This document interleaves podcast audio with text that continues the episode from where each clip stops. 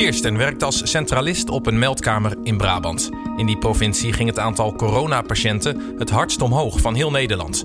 En dat hebben ze gemerkt in de meldkamer van de politie. Het is drukker. Maar er zijn ook nog meer vreemde telefoontjes dan normaal. Vragen over desinfectiehelikopters bijvoorbeeld.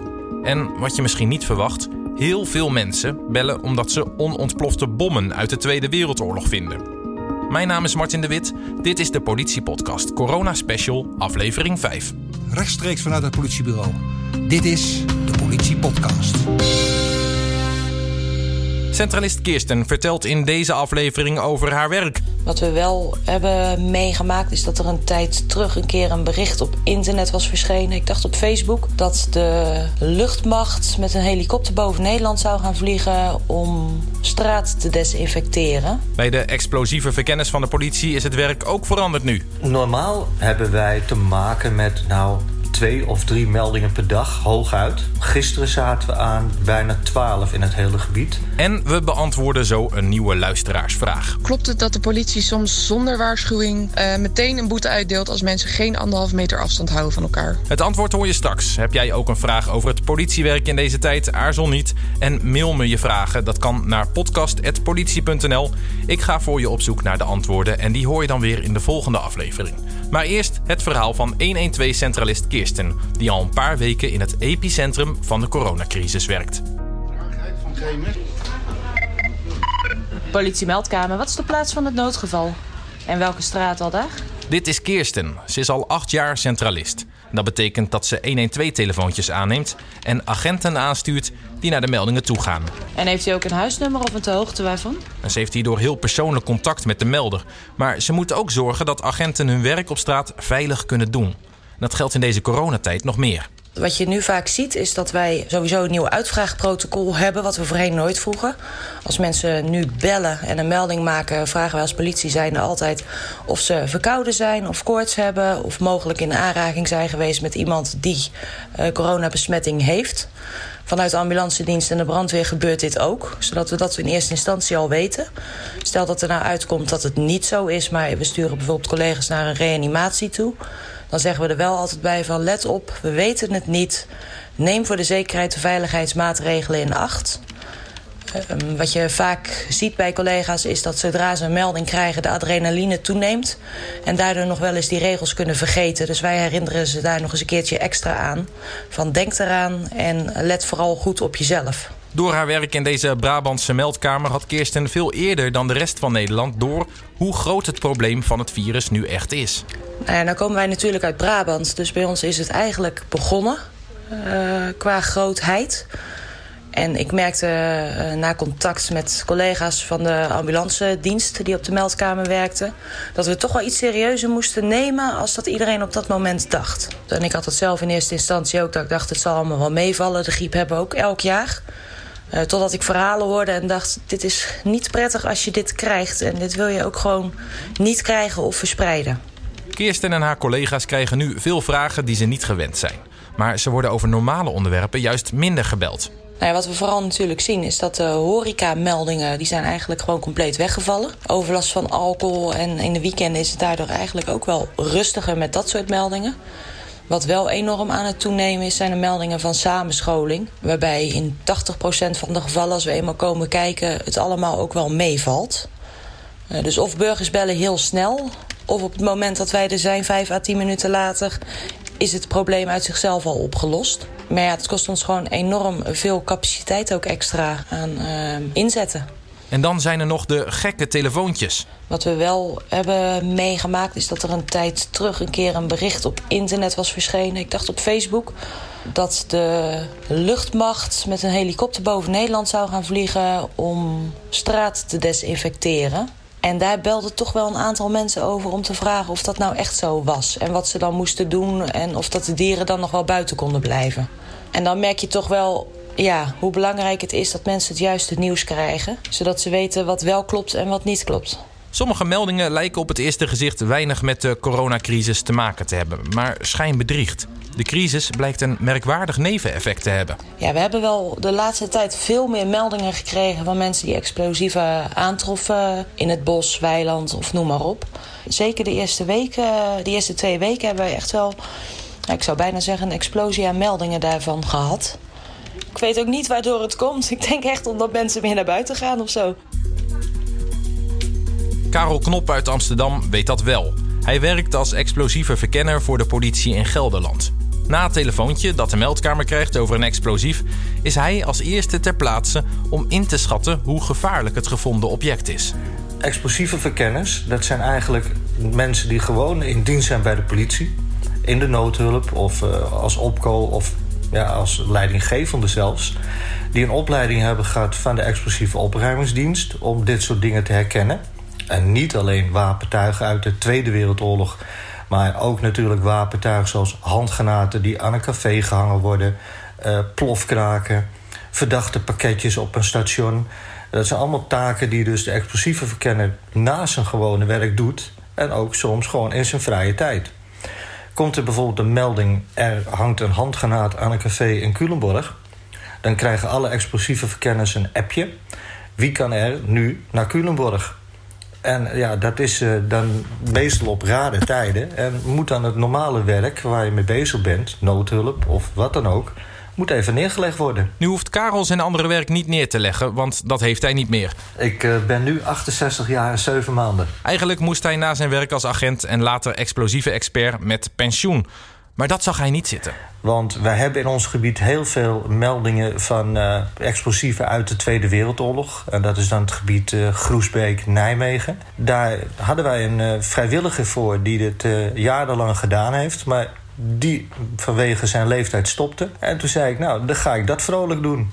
denkende dat het een paar uurtjes in de week was. Maar ja, momenteel, zeker in de coronatijd, is het dagwerk geworden. En ik moet zeggen, pensioen heeft me nooit getrokken. Dus dit is voor mij wel een mooie oplossing. Er zijn in het jaar meer drukke momenten voor het team... waarop mensen oude oorlogsmunitie vinden. De normale piekmomenten dat zijn eigenlijk als uh, de boeren op het land aan de gang gaan. Want deze explosieven, zitten vaak wat dieper in de grond. Maar omdat de grond werkt, komt dat langzamerhand naar boven. En dat betekent dat je dus uh, ja, elk jaar wel een, piek hebt van boeren die bellen, ik heb weer wat gevonden. In de eigen tuin heb je ook uh, natuurlijk piekmomenten... dat mensen in het voorjaar weer gaan planten of de tuin aanpassen... of bedenken, ik ga een zwembad in de tuin laten maken.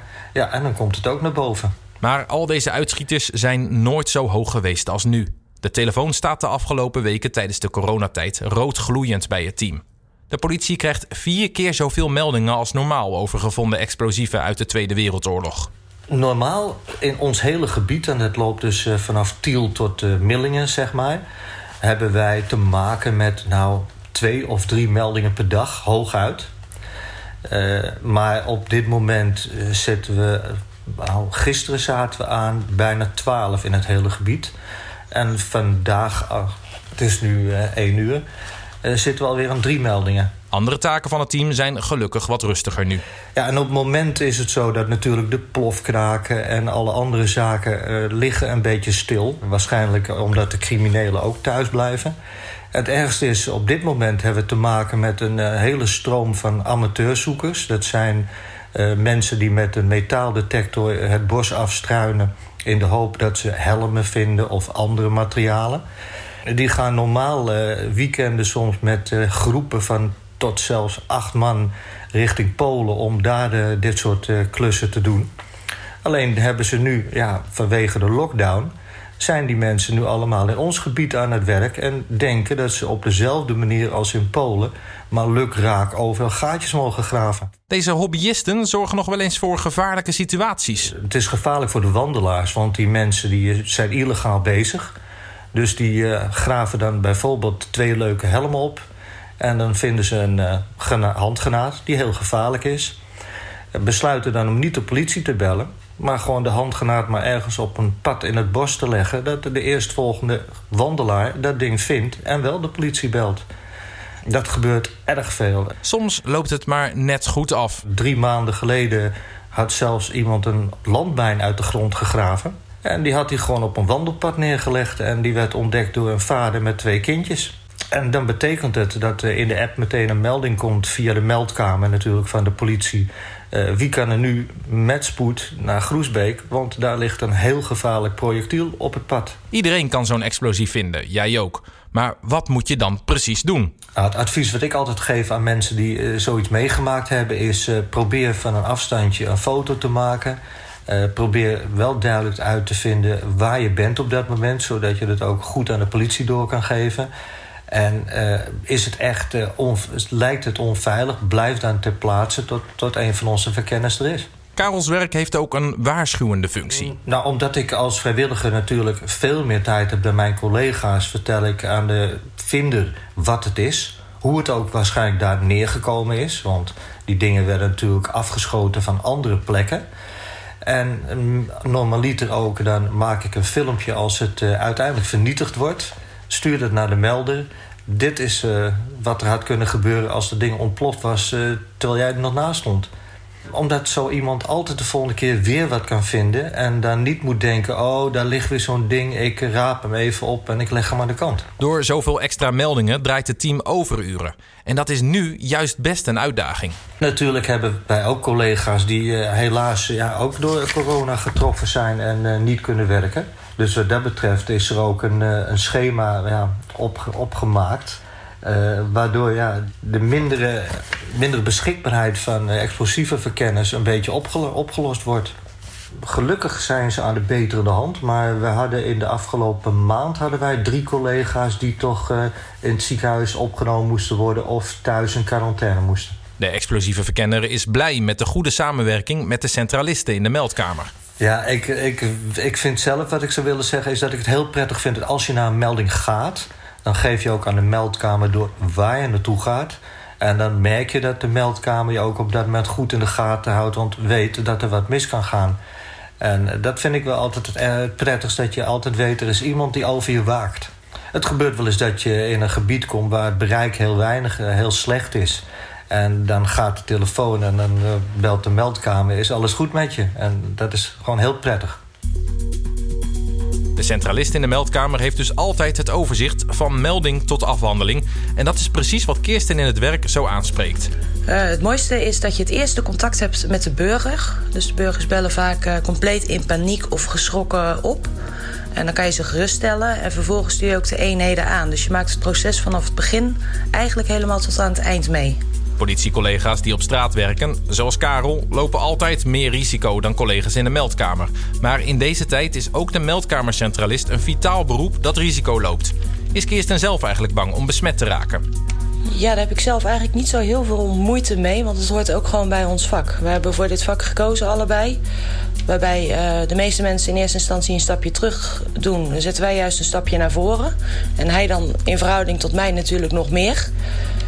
Ja, en dat hoort er ook een beetje bij. En zolang wij alle veiligheidsregels in acht nemen... is de kans dat je besmet raakt tijdens het werk natuurlijk ook niet extreem veel groter... als dat je boodschappen gaat doen.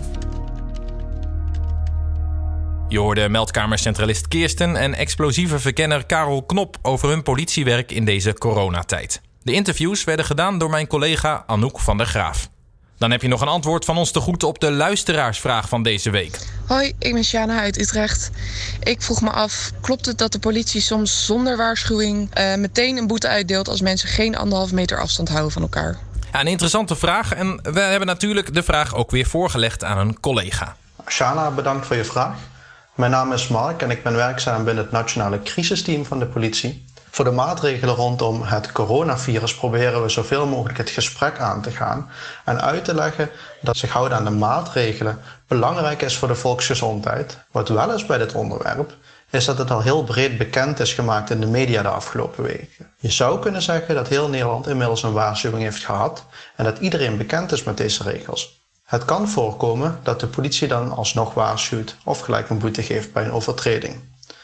We worden als politie namelijk geconfronteerd met situaties die echt niet kunnen en waarvan iedereen weet dat het fout is. Je kan hier denken aan illegale feestjes in tuinen, in gebouwen, eh, barbecues in een park met veel mensen, illegale straatraces of schamenscholing van jongeren iedere keer op dezelfde plek. Bij deze duidelijke voorbeelden van overtredingen kunnen we en zullen we ook vaker boetes uitdelen. Maar ook personen of groepen die al eerder gewaarschuwd zijn, krijgen bij een nieuwe overtreding een boete. Ons algemene uitgangspunt is in ieder geval dat we proberen te waarschuwen daar waar het kan. En als dat niet kan, je een bekeuring krijgt. En dit alles, en dat is wel heel belangrijk om te weten, dit doen we om Nederland door deze gezondheidscrisis heen te krijgen en ervoor te zorgen dat iedereen zoveel als mogelijk gezond blijft. Ik hoop dat dit een antwoord is op je vraag en ik wens jou heel veel gezondheid toe. Dankjewel voor het stellen weer van deze vraag. Heb jij nou een andere vraag? Alle vragen kan je stellen via podcast.politie.nl. De antwoorden hoor je dan in de volgende aflevering. Tot zover deze vijfde corona-special van de Politie-podcast. Sterkte de komende tijd. Als je dat nodig hebt, hou je aan de richtlijnen, want daarmee bescherm je jezelf en ook de mensen om je heen. Alleen samen krijgen we het coronavirus onder controle. Als je op de hoogte wil blijven van nieuwe afleveringen van de Politie-podcast, abonneer je dan met de knop in je podcast-app. We zijn snel bij je terug met een nieuw verhaal van een collega en een nieuwe vraag van een luisteraar. Voor nu, bedankt voor het luisteren en tot snel.